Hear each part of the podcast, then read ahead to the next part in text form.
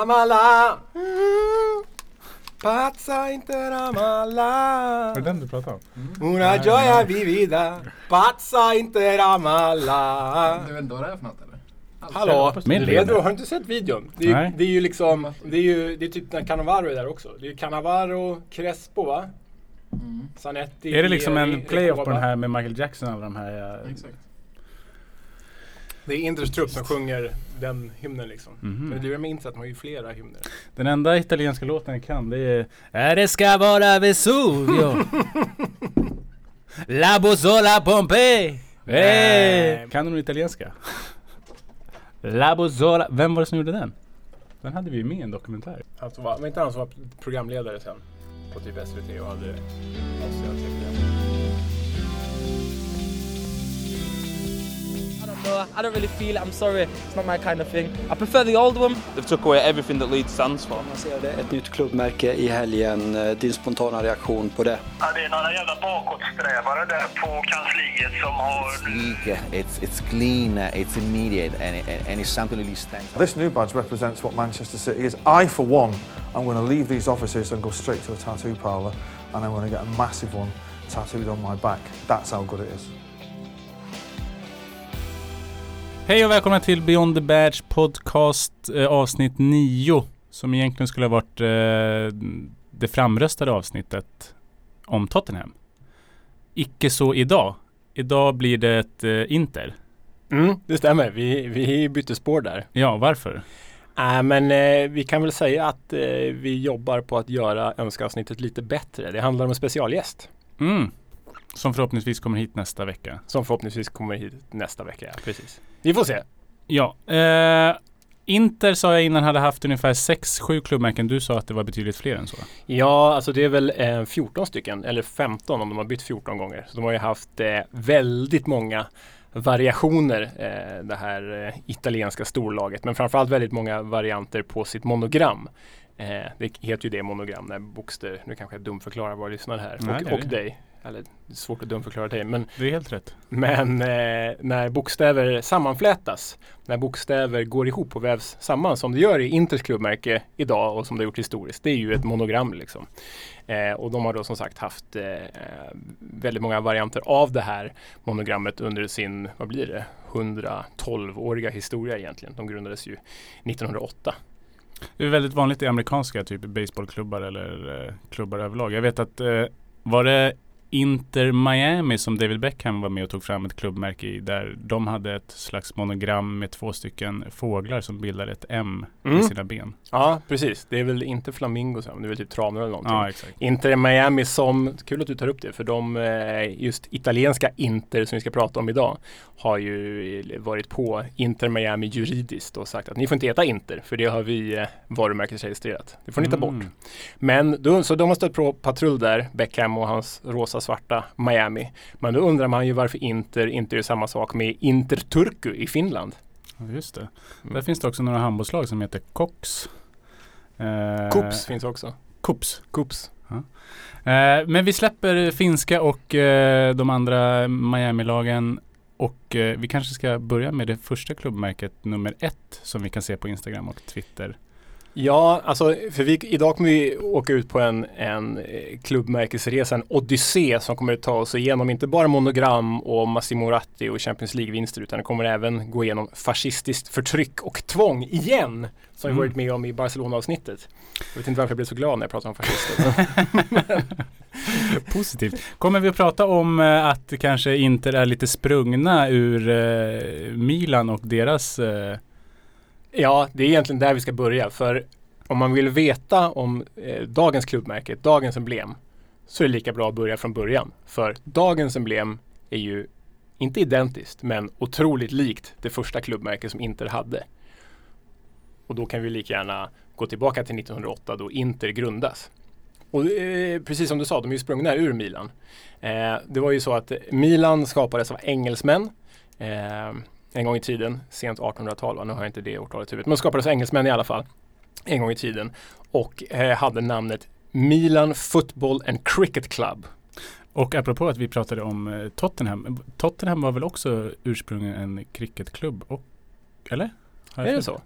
Eh, Jag kanske har fel på det, men skitsamma. Ja, det låter jag vara, det lämnar jag därhän. Så Milan var från början en cricket och fotbollsklubb? Ah, Football and Cricket Club liksom. Mm. Och det som är intressant här, den grundades ju av engelsmän.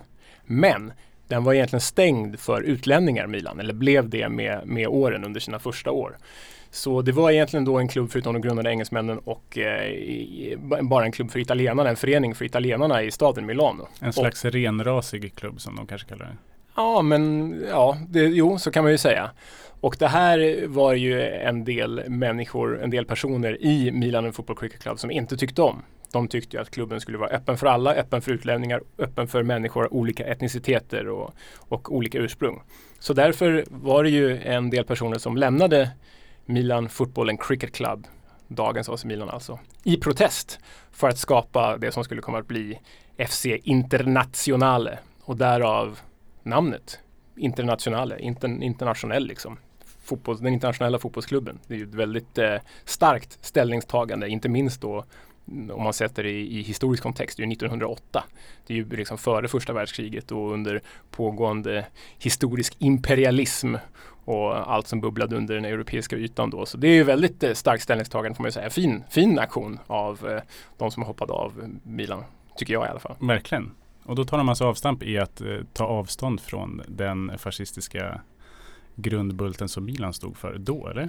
Ja, det här är väl egentligen lite pre-fascismen egentligen. Mm. Alltså den, den riktiga fascismen. Men visst, det var ju ett avstånd från, eh, vad ska man säga, det, det utlänningsförakt som Milan hade. Men nu det här då så skapade i alla fall eh, grunderna av Inter. De skapade ett nytt klubbmärke. Och då började man med färgerna där man behöll det svarta som man tog med sig från, från Milan. Men som en motsats till Milans röda. Nu vet inte jag hur motsatser i färger fungerar men rött och blått är ganska vanligt och då valde man ju blått till motsatsen mot Milans rött för att säga vi är något annat än vad ni är. Vi, är- vi står för något helt annat än vad ni gör. Vi är blå och svarta, ni är röda och svarta. Eh, och så skapar man ju då alltså ett monogram av klubbens initialer.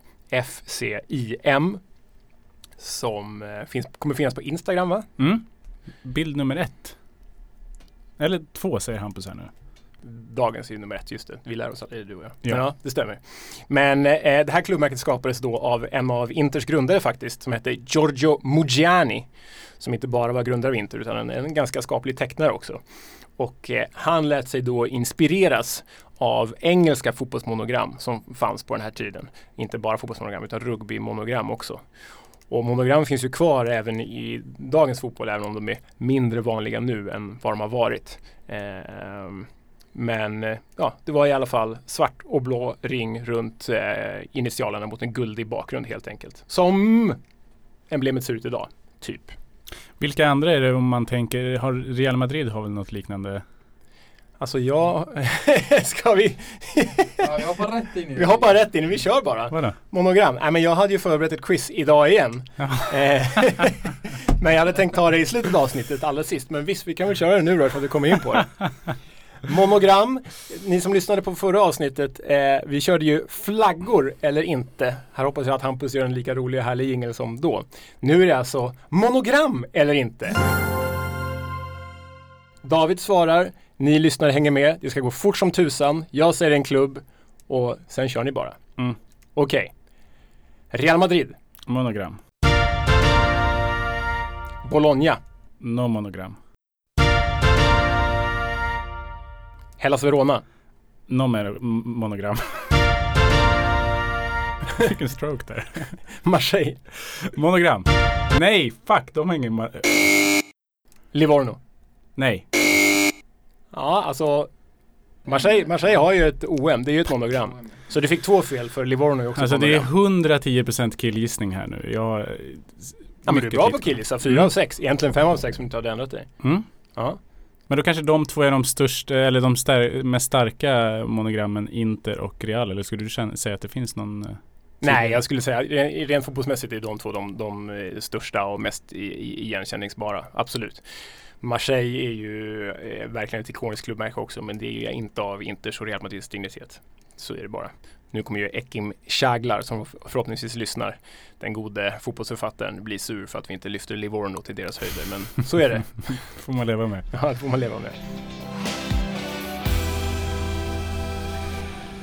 Vi tar och vänder blad och eh, tar oss an eh, ett klubbmärke från eh, fascismens eh, vagga eller i alla fall påbörjande i Italien 1925. Ja, precis. Vad hände där och då? Jo men det är ju så att vi befinner oss i en tid, tid en väldigt orolig tid, mellankrigstiden här då, mellan första och andra världskriget, där fascismen har väckt sig väldigt stark i Italien eh, och eh, blivit ja, ledande egentligen. Och eh, fascismen låter ju sällan saker vara, som vi eh, pratade om i Barcelona-avsnittet, där Barcelona tvingades av Franco byta både namn och utseende på klubbmärke. Så var det även flera italienska klubbar som drabbades av samma sak. Och det var under den fascistiska politikern Italo Foschi. Pangnamn egentligen, synd bara att han var ett as. Liksom. Men ja, eh, Italo Foschi som eh, fick för sig att man skulle samordna och styra upp de italienska klubbarna som fanns. Och det mest kända exemplet som vi säkert kommer prata om i avsnittet om Roma, när det väl kommer. Men det är just AS Roma. För vid den här tidpunkten, som egentligen genom hela 1900-talet fram till idag, så var det de norditalienska klubbarna som var starkast och hade- hade vunnit mest titlar i Italien. Och det, såg man, det gillade man inte eh, som fascistisk regim. Man ville att huvudstaden skulle representeras eh, i, och vara starkast i, inom fotbollen. Så därför genomförde man en tvångssammanslagning av olika klubbar i Rom för att skapa AS Roma, för att göra ett starkt lag som kom, kunde konkurrera med giganterna i norr. Och eh, det här är väldigt intressant för den klubb som eh, man förknippar mest med fascism idag i Italien, det är Lazio. Mm. De nekade ju den här sammanslagningen. Ah. De vägrade. De stod emot eh, fascismen. Men eh, så Lazio ingick inte i den här sammanslagningen som Roma till slut blev då. Men här ska vi inte fastna för vi pratar om Inter. Mer om det där i ett annat avsnitt. Ja. Inter drabbades också av fascismen. Fascisterna och Italo Foschi såg ju inte på den här välkomnande, öppna, integrerande klubben med blida ögon. Det gillade man ju inte jättemycket. Och Internationale, ah, det namnet rimmar ju inte så bra i nationella tider när liksom den italienska fan, fascistiska fanan vajar som högst. Så man eh, tvångsbytte namn och tvångsbytte klubbmärke eh, på Inter helt enkelt. De eh, bytte namn till Ambrosiana Associ Associ Associazione Ambrosiana blir det va? Tror jag att de heter. Hänger ihop med den eh, flaggan från George, George Kors som vi pratade om tidigare avsnitt. Ja, som inte är Sankt George. Nej. Och här kan vi dra igen då för det rödvita kors som Inter haft på sina bortatröjor de senaste åren, eller några av de senaste åren, och som Milan har i sitt emblem. Det är ju inte den engelska flaggan eller Sankt Göran-korset, George-korset, utan det är Ambrosius-korset. För Sankt Ambrosius är ju skyddshelgon i Milano, därav det här korset då. Och i och med namnbytet Ambrosiana så bytte man ju emblem samtidigt. Och som våra lyssnare nu kan se på Twitter och Instagram så är det ju då en rund blå cirkel med tre olika delar. Ja, osymmetriskt så in i helvete.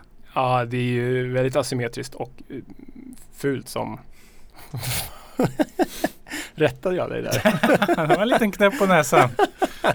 Så går det när man hoppar av skolan i, i årskurs 8. Får man leva med det. Förlåt. Jag bara lät, jag tänkte att det skulle låta gå men det var tydligen uppenbart. Det är helt rätt. Jag är här för att lära. Det är, okej, det är väldigt asymmetriskt. Det är väldigt asymmetriskt. Eh, och eh, som du kan se till höger då, där har vi ju Ambrosius-korset, det rödvita korset. Som är den tydliga kopplingen till Milano och staden som klubben kommer ifrån. I mitten har vi en fascistisk symbol som kallas fasces. Och fasces, det är liksom ett, eh, vad ska man säga, ett knippe med björk eller almspån eh, som är, är, har satts ihop till ett slags, slags eh, vapen. För de här spåna sitter ihop med ett yxblad eller en så kallad bila. Och det här var liksom den fascistiska symbolen som fascismen faktiskt fick sitt namn ifrån. Fasces. Och när använde man sådana här saker? Ja, det var ju på under romartiden. Då var det alltså speciella livvakter till olika senatorer som gick omkring med en fasces för att sätta, sätta sig i respekt hos gemene man i pöben. Så det är en superfascistisk symbol som Inter fick, eh, tvingades bära här då. Sen så tar vi oss vidare till vänster i den här cirkeln så är det någon form av sköld med orm i, eller?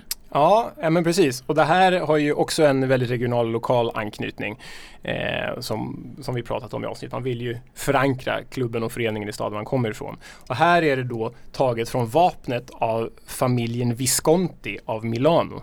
Och det är en gammal fin nobel adelsfamilj från medeltiden som liksom styrde Milano med järnhand. Så det är en historisk och regional referens då. Och den här ormen om man tittar noga så äter den faktiskt en människa levande. Ehm, och enligt vissa källor så är det ett barn den äter levande så det är inte supertrevligt kanske. Jag säger kanske något om familjen Visconti, hur trevliga de var. Exakt. Ovanför vilar en eh, krona Ja, för som- att symbolisera adel eller något. Ja men precis, det har, det har med deras eh, vapen att göra. Exakt. Men skulle du säga, bara göra en liten avstickare här, att Inter är mer eh, adel än vad Milan är? Mer, ja, alltså det är ju svårt att prata om, om det där i, i dagens eh, samhälle. Sådana där gränser har ju suddats ut ganska mycket med liksom vad som, du vet, Djurgården är överklass och Mm. Bayern är arbetsklass. Det är, det är ju stereotyper som finns kvar men som kanske inte riktigt stämmer. Så i, i dagens eh, kontext så skulle jag nog inte säga att det stämmer. Men historiskt sett så har det ju varit så att eh, Inter har varit eh, eh, blått och Milan rött. Absolut. Men idag skulle jag inte säga att det är så. Nej. Jag såg eh, en eh, dokumentär om just San Siro. Där gick de igenom och där sa de att det var lite omvänt. Att Milan var de som hade lite mer uppnäsa när de frågade fans och sånt. Och jag vet Jaha. jag inte hur, hur utbrett det var. Men och då sa de också att det var som tydligast inne på San Siro i omklädningsrummen. Där det var en tydlig skillnad. Där Inter då hade en bänk de satt med. Ja, Liksom alla satt på samma bänk och så var det bara något, ett ställe man kunde hänga upp en galge på på sin krok. ja just det. Medans- Där jag har varit i det omklädningsrummet. Jaha, Ja. okej. Och Milan då som du vet sitter i några jävla racerstolar Ja, precis. från... Fina cushions. Ja, Exakt. exakt. Jaha, spännande. Mm. Intressant. Den skulle jag vilja se. San Siro ju, kommer ju förstöras inom ett par år ju. Mhm, för att man inte. bygger en ny arena. Men den heter egentligen någonting annat väl? Nja, egentligen heter den ju San Siro. Men eh, för Interisti så har den ju varit kallad Giuseppe Miazza. En gammal Inter-legendar. Som kanske även spelade i Milan faktiskt. Men främst för, förknippad med Inter. Supermålskytt liksom. Apropå någonting vi ska prata om mer om sen är ju arenan som eh, Tottenham spelar på nästa vecka. Eh, ja, det lär vi ju fastna ganska Som mycket. har Europas eh, liksom längsta bar. har den det? Den har en NFL-ban, liksom NFL-plan som ligger under fotbollsplanen. Ja, det vet, det vet jag ju. Men okej. Men längsta bar sa du? Mm. Jaha. Men mer om det sen. Är Ja, ju- vi släpper okej. det här. Vi- Bra, mer om det Vi är klara med det fascistiska Nej, det blir, mycket, 1925. det blir mycket mer fascism alltså. Men 1925 är vi klara med. Men vi har ju nämnt i ett annat avsnitt, eller du har nämnt, eh, som jag faktiskt har med mig här, Inters korströja. Ja, den är otrolig alltså. Ja, den är otroligt fin. Den kommer vi ta ett kort på och lägga upp på Twitter. Eh, men det var faktiskt här, det här året när fascisterna tog över, som man började spela i den tröjan. Ah. Inter sportade det rödvita eh, Ambrosius, eller röda korset mot vit bakgrund då, 1925. Och hade den fascistiska symbolen fasces mitt över solarplexus.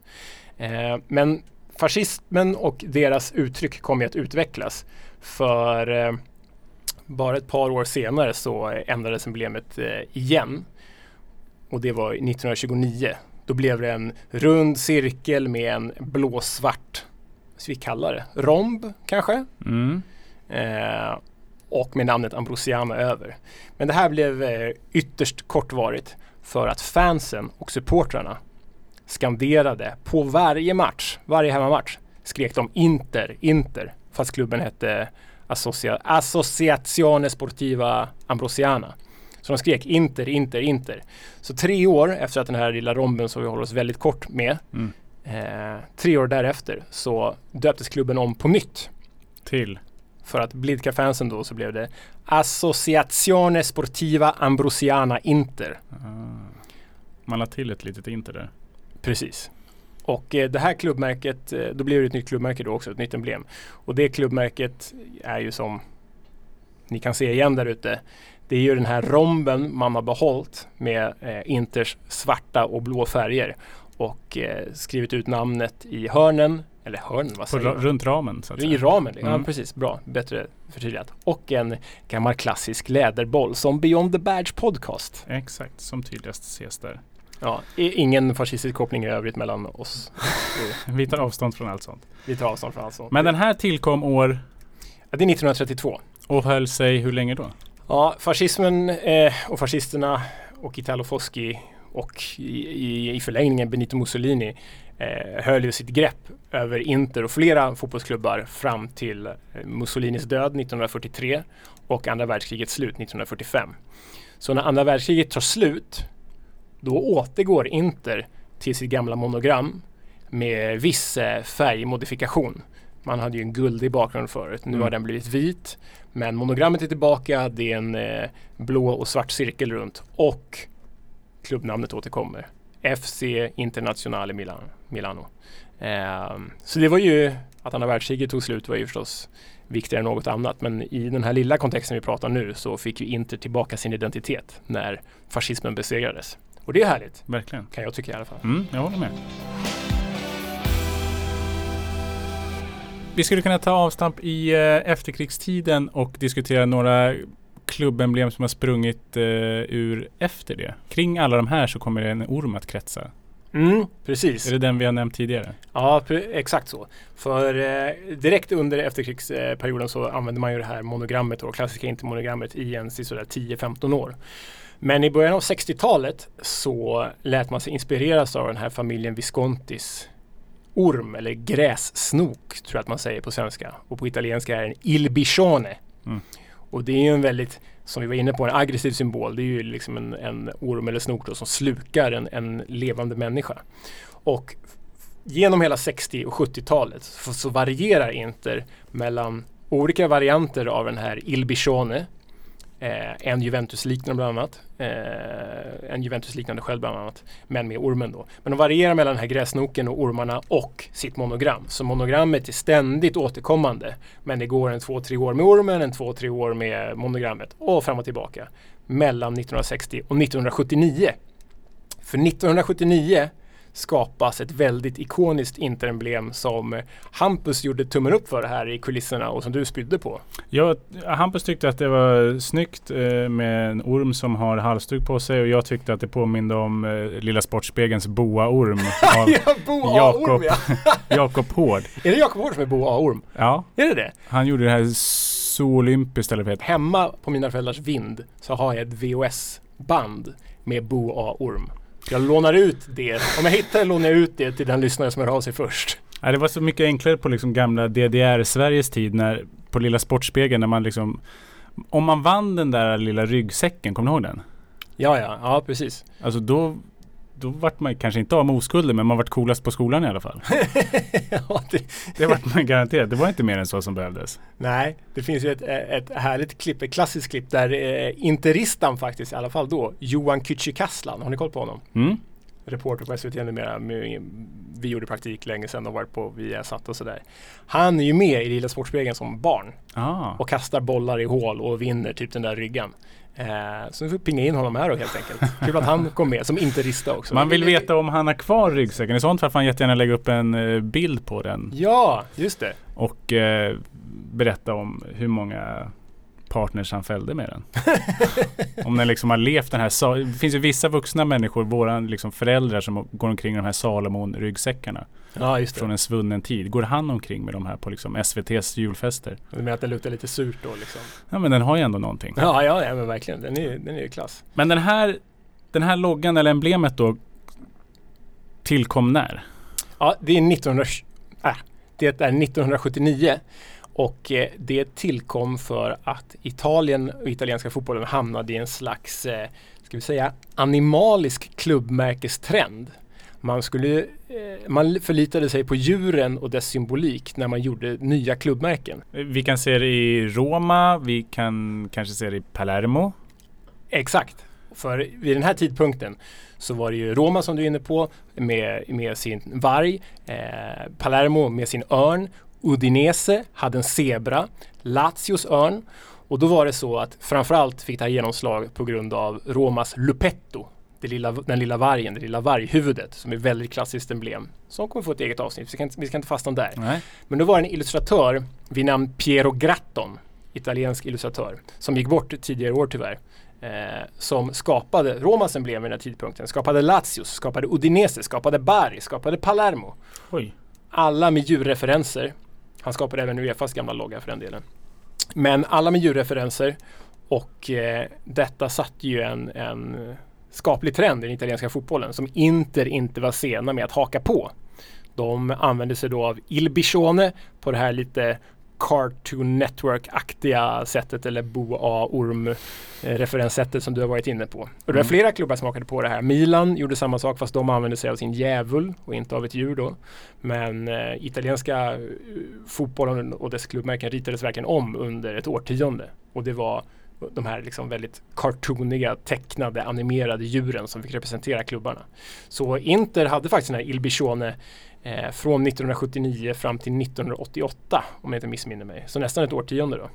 Den har ju också en stjärna uppe i vänstra hörnet som vi kan se och från förra avsnittet så var det någon på Twitter som kommenterade om vad stjärnan hade för betydelse i Hammarbys I Hammarbys eh, gamla klubbmärke som påminde om AIKs eller var kopierat av AIKs. Ja, precis.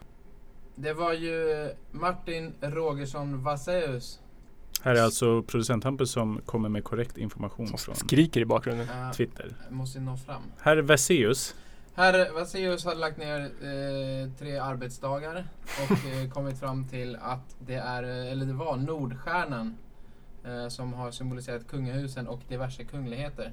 Verkar vara en symbol för fosterlandet enligt eh, osäkra källor. Och varit nära att konkurrera ut Tre Kronor på 1700-talet. Mhm. Ja, alltså just. vi är ju över, överallt tacksamma till Martin Rogersson och våra lyssnare som bjussar på sådana här anekdoter. Jag kan meddela att eh, Martin var i, i, i kontakt med mig när vi skapade den här podden. Och han har alltså typ doktorerat i eh, Helsingborgs IFs klubbmärke. Eh, som han skickade till mig och eh, det var ju liksom en pdf-fil på typ 60, 60 sidor om bara HIFs emblem. Att jämföra med min bok tror jag är 200 sidor om 100 emblem. Hans han har alltså 60 sidor om HIFs emblem så det är värt, det är värt en applåd i fantastisk och fenomenal nördighet. Verkligen. Och eh, vi ska ju tacka eh, Vaseus för det. Vi ska inte lägga mer jobb på hans bord eller så. Men har han tid över så får han jättegärna gå igenom Helsingborg och Norrköpings budget för hur de har råd att eh, eller mage att kräva pengar från kommunen och sen fortsätta värva hejvilt. Ja, det är ju lån Men det är, inte, det är inte på hans bord. Det är inte på hans bord. Men eh, med det sagt så är det eh, stjärnan då i Hammarbys femårsjubileum. För stjärnan här, den har lite mer eh, klassisk eh, referens. Det betyder att Inter, det är en hyllning till Inters då tio, att man hade nått över tio ligatitlar på den tiden. Eh, som är ju brukligt manér. Eh, Spelade inte de i början också bara med en stjärna på bröstet? Back in the days. Tveksamt. Jag vet inte. Faktiskt. Jag har faktiskt, från den här dokumentären så fick jag se gamla bilder från Inter och då Ja. var det bara stjärnan på bröstet, ingenting Aha. annat alls. Jaha. Det kanske vi kan kolla om producentappen kan hitta och så kan vi eh, lägga upp det i sånt fall. Ja, Okej, spännande. Så den har i alla fall bara en lokal förankring, eh, stjärnan i Inters eh, boorm-emblem. Eller ja, eller liksom vi har vunnit tio ligatitlar för Frankrike. Ja, just det. Ja, så är det. Men grejen med den här ormen och Il Bichone det är ju att den är väldigt starkt förknippad med eh, Inter fortfarande idag fast att eh, ormemblemet inte används sedan 1988. Men det finns ju eh, souvenirer och flaggor att köpa eh, när du är på plats. Jag köpte, kommer jag ihåg när jag var eh, mitt första besök på San Siro 2004, Inter Parma, Adriano 1-0. Eh, firade Inter som att han hade spelat i Parma. Eh, då köpte jag en flagga med eh, den här ormen på. Och eh, det var ju ett mäktigt tifo i Milano-derbyt kanske vi kan hitta någon bild på också, 2017 eller 2016 tror jag. När man hade den här Il Bichone fast en grön argare jävel över hela liksom klacken. Så den är oerhört starkt förknippad med Inter än idag.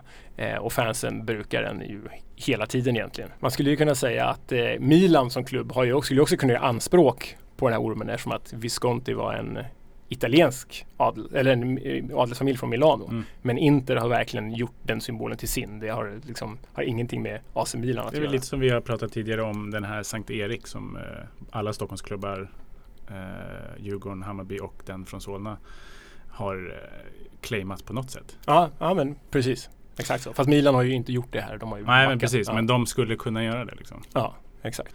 Och eh, när vi ändå pratar gamla Inter, när var det 97-98 Ronaldo kom?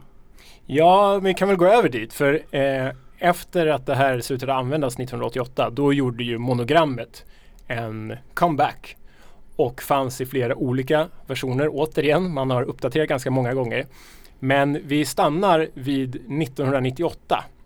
Då har Massimo, Massimo Moratti, den idag legendariska tidigare ägaren, då har han ägt Inter i tre år. Han köpte klubben 1995 och hans första värvning var väl Javier Zanetti om jag inte är helt fel ute. mer än jag.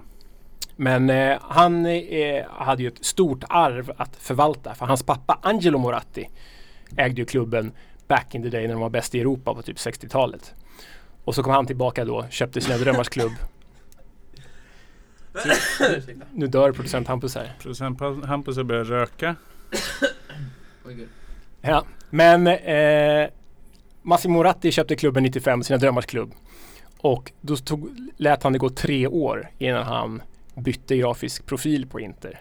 Men det kom inte ur någonting, eller det kom inte ur ingenting ska jag säga snarare. För 1908 grundades ju Inter. 1998 firar de 100-årsjubileum. Och det firar Moratti med att skapa det emblem som nog är mest förknippat med Inter för din och min generation skulle jag Mm. tro. Det Med stjärnan inbyggt i eh, monogrammet. Exakt.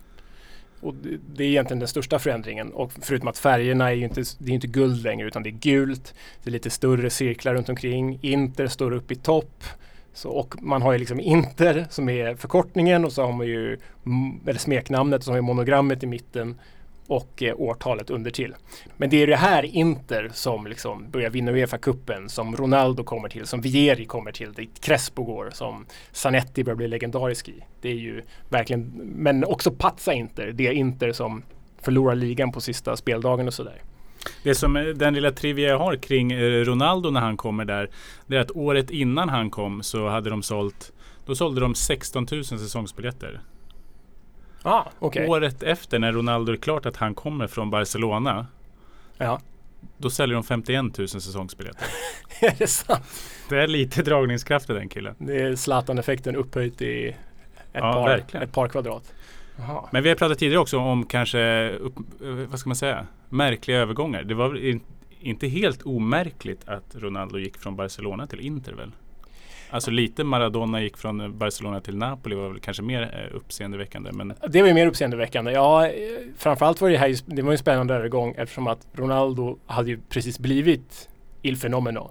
Den liksom världens, man såg att det här var världens bästa anfallare. Supersuccé i Barcelona, bara en säsong där tror jag. Ehm, de sprutade in mål och de skulle bygga hela laget kring honom ju. Ja men precis. Men Massimo Moratti hade ju extremt mycket pengar. Och för den tiden. Var det tv-pengar han hade? Eller? Nej, det tror jag inte. Jag har inte riktigt koll på vad Moratti pillade med exakt vad han tjänade sina pengar på. Inte, anknuten till Pirelli som liksom eh, sponsrade Det hade ju faktiskt varit rimligt här. Men vi får be producent Hampus, eh, där kan vi klippa, men vi får be producent Hampus kolla upp eh, jag tänker mig att han och Berlusconi hade lite tv-pengar. Petroleum business. Då hade jag helt fel där. Då var det Petroleum Money. Ja, Petroleum Money. Var det Berlusconi som hade tv-pengar? Ja, Berlusconi är, är tv-magnaten. Former CEO of Saras. It, Ita, Italy's largest oil refinery. Oljepengar. Mm. Mm. Okej. Smutsigt. Ja, men eh, Det här höll i alla fall i sig i tio år. Det nya monogrammet med inbyggd stjärna i, eller? Ja, det är ungefär tio år va, för, för eh, eh, att vara exakt. Nio år för att vara exakt. Mm. Eh, 2007 sträckte det sig fram till. Och då flyttade man ut stjärnan igen ovanför klubbmärket och man återgick till ett emblem som var väldigt, väldigt, väldigt eh, likt ursprunget. Men jag vill fastna vid eh, dagens emblem som presenterades 2014. För eh, det var en eh, grafisk byrå som hette Leftloft, eller heter Leftloft, jag vet inte om den finns kvar längre. Eh, som gjorde emblemet. Stjärnan försvann för man bestämde att klubbmärket och stjärnan skulle separera. Och så här gör ju vissa klubbar. Vissa klubbar och föreningar bestämmer sig för att införliva stjärnan i klubbmärket. Att, den alltid, att de alltid ska synas tillsammans. Medan andra klubbar, som inte i det här fallet, beslutade att vårt emblem innehar inte stjärnan. Däremot när vi spelar matcher då har vi stjärnan på tröjan eller stjärnorna på tröjan om, om man nu har fler titlar. Liksom. Så på matchtröja stjärna, inte på matchtröja så, så har man inte stjärna. Men eh, de hade ju en extremt eh, pretentiös eh, lansering ska vi säga av det här dagens klubbmärke 2014 och jag tänkte att jag citerar rakt av. Bara så att det blir tydligt för lyssnarna nu här. Vem och vart sägs det här? Jo, det är alltså Inters officiella pressrelease när de eh, offentliggör dagens emblem då, fast 2014. Så det är på hemsida och i pressutskick och sådär. Häng med. Jag kör på engelska. Ja, kör. Try and picture the scene. Your wife smiling at you. Or your husband hugging you. A friend you can count on. A dinner in a special place. Imagine music. Art. Imagine the best goal Inter have ever scored. The game that gave you the biggest thrill. Imagine it. The best ever. Now that those sounds, tastes, and colors are dancing in your head, now that you're thinking about the best thing ever, think of it in terms of the Nerazzurri. In terms of Inter. The team that makes your heart beat faster. A picture is gradually filling your mind, right? First, a few simple lines, then circles come together, and finally, a star. It is starting to take shape. It is our new logo, now part of our team, our corporate identity, to use appropriate jargon. An image which will be used everywhere in our communications, on the team bus, at the academy. One voice for a special team. A team that will be Milanese and international, fair and surprising. It will be legendary just as, as it has always been. Imagine it. Then look at the new logo. You'll notice they're much the same. Det är magstarkt. Det är några små påvar som har suttit i ett konferensrum och eh, smårunkat upp sig själva till det här. Man, man blir ju lite småkräk i, i, i svalget av det där alltså. För det är, det är ju nästan ingen skillnad heller från, från det före, föregående emblemet. Nej. Man har ju jobbat mer på den här pressreleasen än på själva emblemförändringen liksom. Ja, det var eh, överambitiöst. Ja, oerhört, oerhört.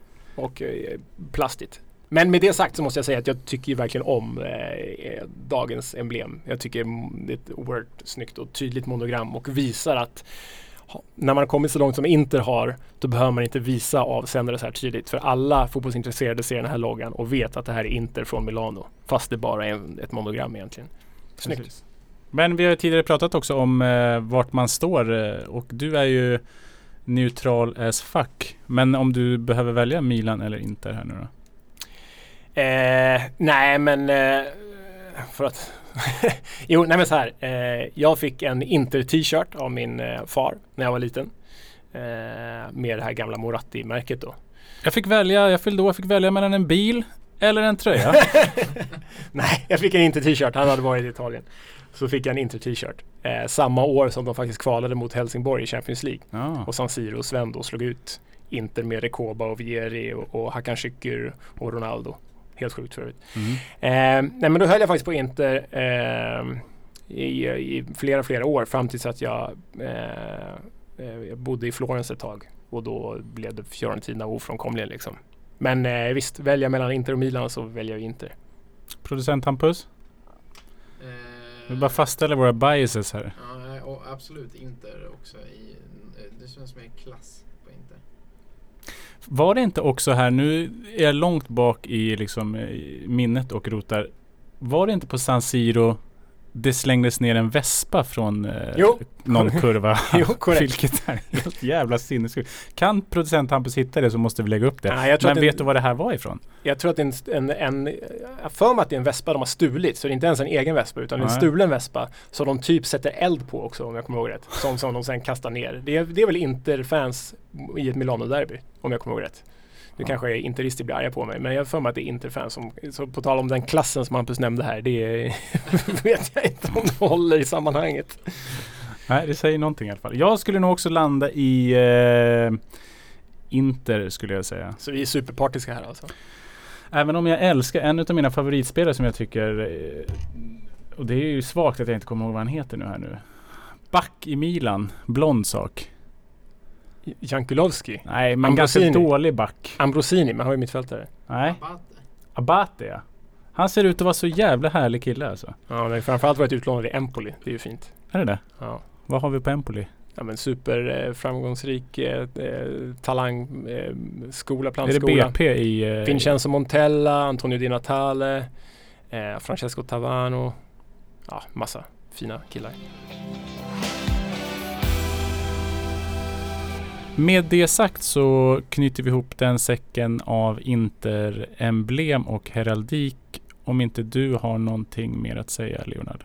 Ja, alltså eh, vi har ju gjort ett tidshopp eh, över flera emblem härifrån. Man har haft 14 stycken. Men eh, det kom ju faktiskt ett emblem 2018, ett märke, ett 110 årsjubileumsmärke. Lite speciellt. Det är inte alla klubbar som gör 110 årsjubileumsmärken. Men det var då eh, Inters logga ihop eller mot en bakgrund av Ambrosiuskorset. Mm. Eh, men det här är 2018 då. Det är inget vi behöver fastna i. Jag vill bara notera det att det har faktiskt kommit efter dagens emblem. Då säger vi så om Inter och så ser vi fram emot nästa vecka och en eventuellt spännande gäst med Tottenham-anknytning. Mm. Så kan ni få gissa vem fan det är.